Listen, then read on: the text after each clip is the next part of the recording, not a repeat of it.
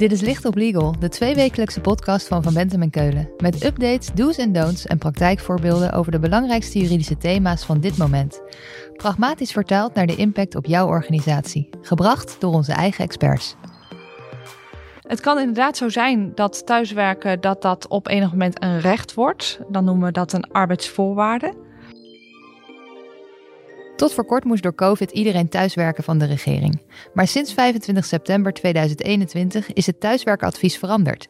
Nu geldt werk thuis als het kan en op kantoor als het nodig is. De overheid zegt daarbij dat werkgevers en werknemers zelf afspraken moeten maken over een goede verdeling tussen werk en thuis.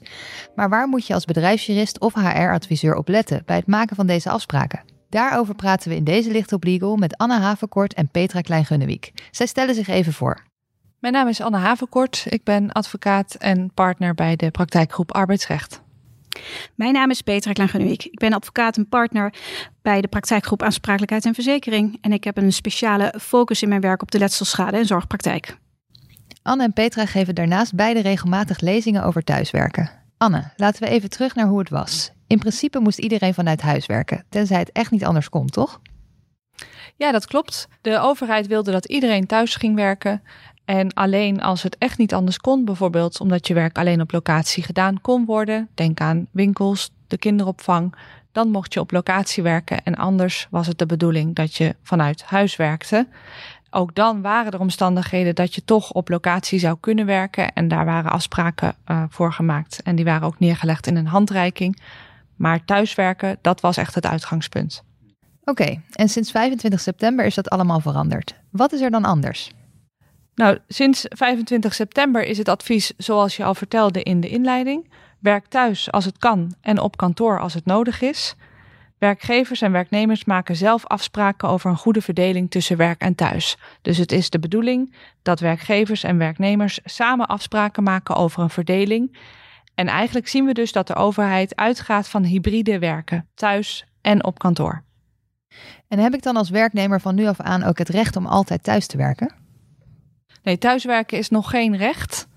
Het moet kunnen en er moet ook duidelijk beleid voor zijn.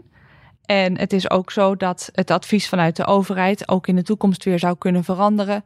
En dat als uh, de, nou ja, de pandemie helemaal over is, dat de overheid daar ook niks meer over te zeggen heeft. Dus het is wel verstandig om daar nu ook helder beleid voor te maken als organisatie, los van de huidige situatie. Duidelijk, je moet helder beleid maken. Maar werkgevers gaan toch gewoon tegen hun werknemers zeggen: hop, weer vijf dagen per week naar kantoor? Ja, dat denk ik persoonlijk niet. De afgelopen anderhalf jaar zijn we toch wel gewend geraakt aan het thuiswerken. En we hebben ook met z'n allen gezien dat het goed werkt. En ik denk dat de meeste werkgevers, ook om een aantrekkelijke werkgever te, te willen zijn, toch wel een beleid zullen formuleren voor blijvend thuiswerken. Laten we het concreet maken. Waar moeten we in de praktijk op gaan letten? Nou, het is belangrijk om een duidelijk beleid te hebben op het gebied van thuiswerken en uh, die afspraken ook schriftelijk vast te leggen.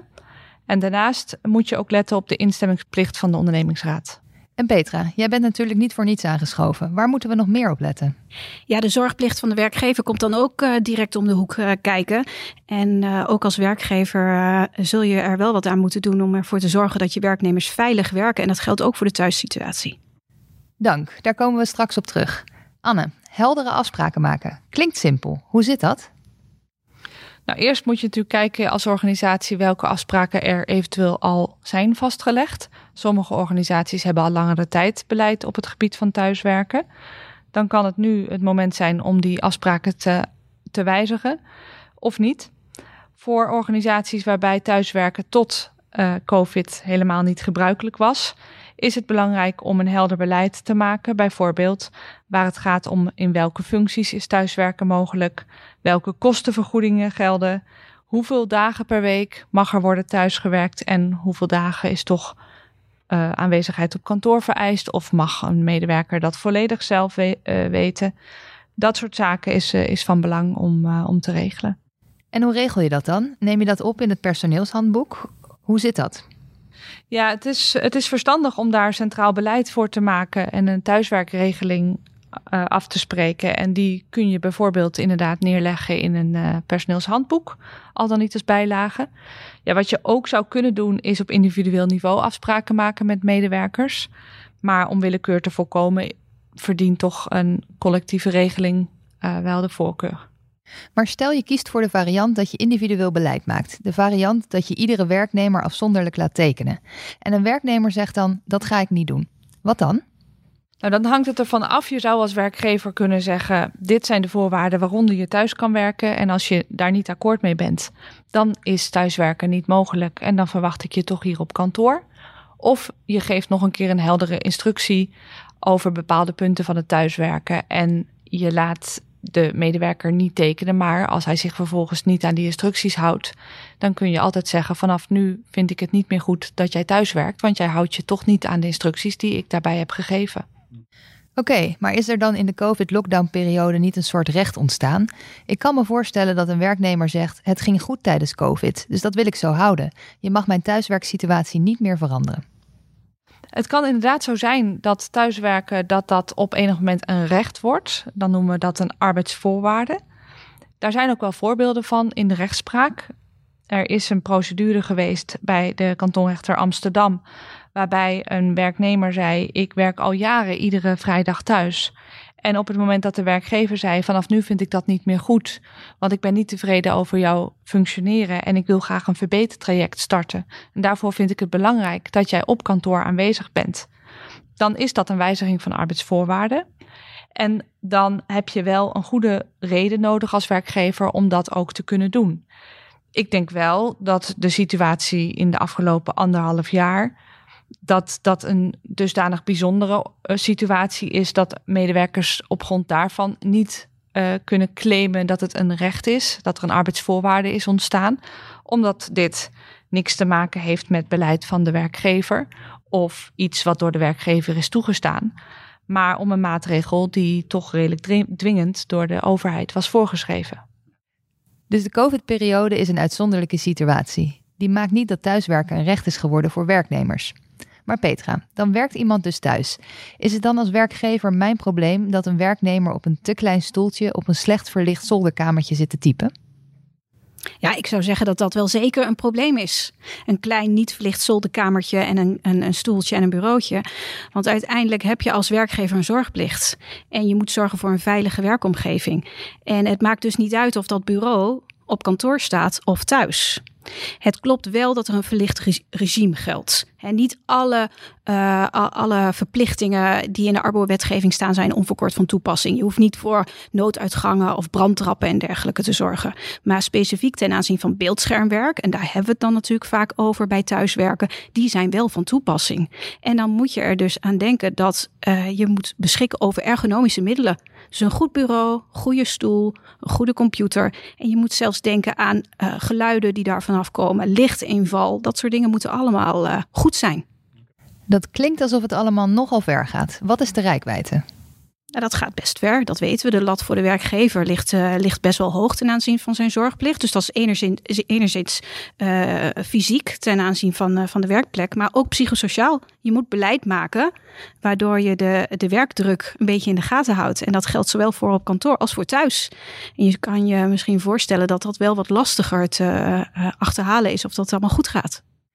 Maar hoe doe je dat praktisch gezien als je niet echt een oogje in het cel kan houden? Nou ja, ik denk ten aanzien van, uh, van de fysieke omstandigheden waaronder wordt gewerkt. En dan denk ik wel dat het goed is om duidelijk te maken dat het moet, wel moet gaan om structureel thuiswerken. En uh, in uh, de arbeidswetgeving wordt eigenlijk niet meer echt gesproken over thuiswerken, maar over plaatsonafhankelijk werken. Dus dat is niet bij de werkgever zelf, maar elders. Dus dat is nou ja, misschien wel het vaakst gewoon thuis. Maar dat kan natuurlijk ook in het koffietentje om de hoek zijn. En sommige mensen werken ook in de trein op de heen- en terugweg. Dus ook daar moet je, moet je misschien aan denken. Ja, en hoe ver gaat dat dan? Het gaat niet zo ver dat een werkgever uh, moet bepalen hoe men zit in het koffietentje om de hoek. Maar dus wel hoe men zit thuis. Dus ja, je, je zou dan als werkgever proactief kunnen nagaan en navragen: hoe ziet jouw thuiswerkplaats eruit? Je kan vragen: maak eens een foto dan kan ik een check doen. Waar heb, heb je nog hulp nodig? Instructies geven, instructiefilmpjes geven. Duidelijk, maar ik wil toch even terug naar dat koffietentje op de hoek. Er zijn natuurlijk mensen die dat tijdens COVID onderdeel van hun thuiswerksituatie hebben gemaakt. Die werken iedere ochtend tot de lunch in het koffietentje op de hoek. Moet ik daar dan gaan checken of de lichtinval goed is en of er goede stoelen staan? Nee, als werkgever kan je daar die verantwoordelijkheid kan je niet nemen. Maar als jij weet van je werknemer dat hij daar iedere ochtend uh, zit, dus echt wel structureel uren uh, per dag doorbrengt, ja, dan heb je dan natuurlijk nog naast de vraag. En dan denk bijvoorbeeld aan geheimhouding, waar je ook aan moet denken, maar ook na moet gaan of dat wel de juiste uh, situatie is. En als dat niet zo is, moet je denk ik wel echt het gesprek aangaan met je werknemer. Het is dus een kwestie van controleren en in gesprek gaan. En je in ieder geval bewust zijn dat er een zorgplicht is. Anne, jullie somden in het begin drie dingen op. De derde was dat er een instemmingsplicht is van de ondernemingsraad. Die moet dus akkoord gaan met de thuiswerkregeling. Wat betekent dat? Ja, dat klopt. Um, op grond van de WOR is een thuiswerkregeling instemmingsplichtig. En dat betekent dat de OR akkoord moet gaan met deze regeling voordat je de regeling als werkgever mag introduceren.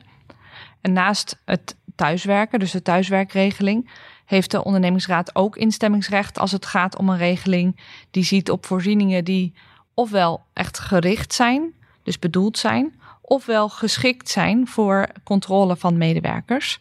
Dus ook beleid waarbij je medewerkers controleert op de uitvoering van de werkzaamheden, uh, is instemmingsplichtig. Maar Petra, dat betekent dus dat voordat jij de thuiswerkplek mag gaan controleren, dat eerst allemaal afgestemd moet zijn met de ondernemingsraad. Dan ben je toch al veel te laat. Dat is een hartstikke stroperig proces.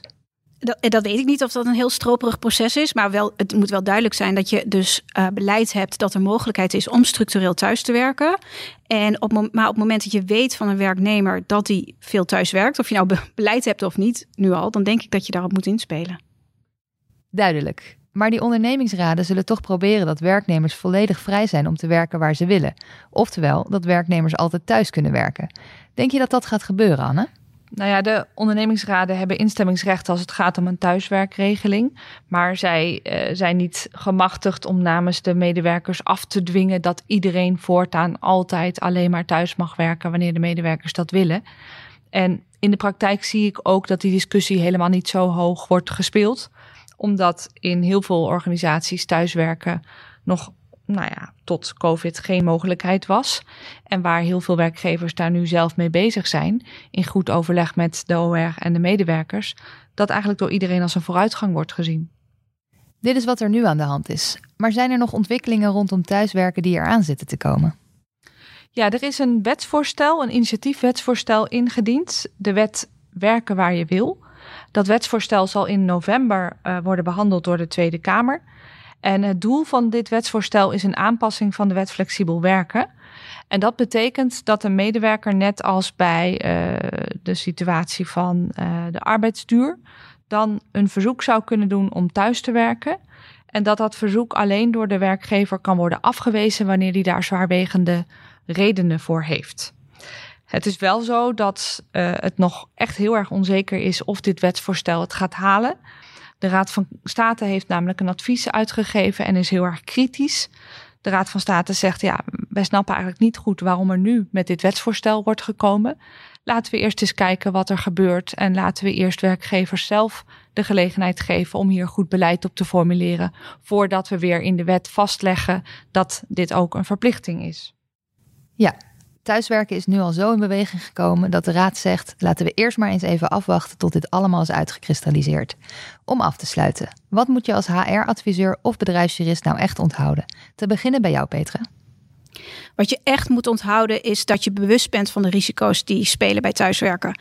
En voor zover het nog niet in de uh, eh, RINE zat, en dat is de risico-inventarisatie en evaluatie, moet je daar ervoor zorgen dat dat alsnog wordt geïncorporeerd. Dus wat zijn de risico's en uh, uh, wat ga je daaraan doen? En ik denk dat het dus ook echt heel erg belangrijk is dat je bij de werknemer actief gaat uitvragen uh, bij structureel thuiswerken onder welke omstandigheden er wordt gewerkt. En Anne, wat vind jij dat de luisteraar moet onthouden? Nou, zorg voor een duidelijk thuiswerkbeleid. Leg dit ook vast in een regeling en stem deze regeling af met de ondernemingsraad. Anne, Petra, dank jullie wel. Als we meer willen weten, waar kunnen we dan terecht? Ja, jullie kunnen bij ons terecht via de telefoon en via de mail. En de gegevens kunnen jullie terugvinden op de website. Dit was Licht op Legal, een podcast van Van Bentem en Keulen. Te beluisteren via Spotify, Apple Podcast of je eigen favoriete podcast-app. Wil je meer weten? Heb je suggesties voor een onderwerp? Of wil je dat onze experts hun licht laten schijnen op jouw juridisch vraagstuk? Laat het ons weten via vbk.nl/slash lichtoplegal.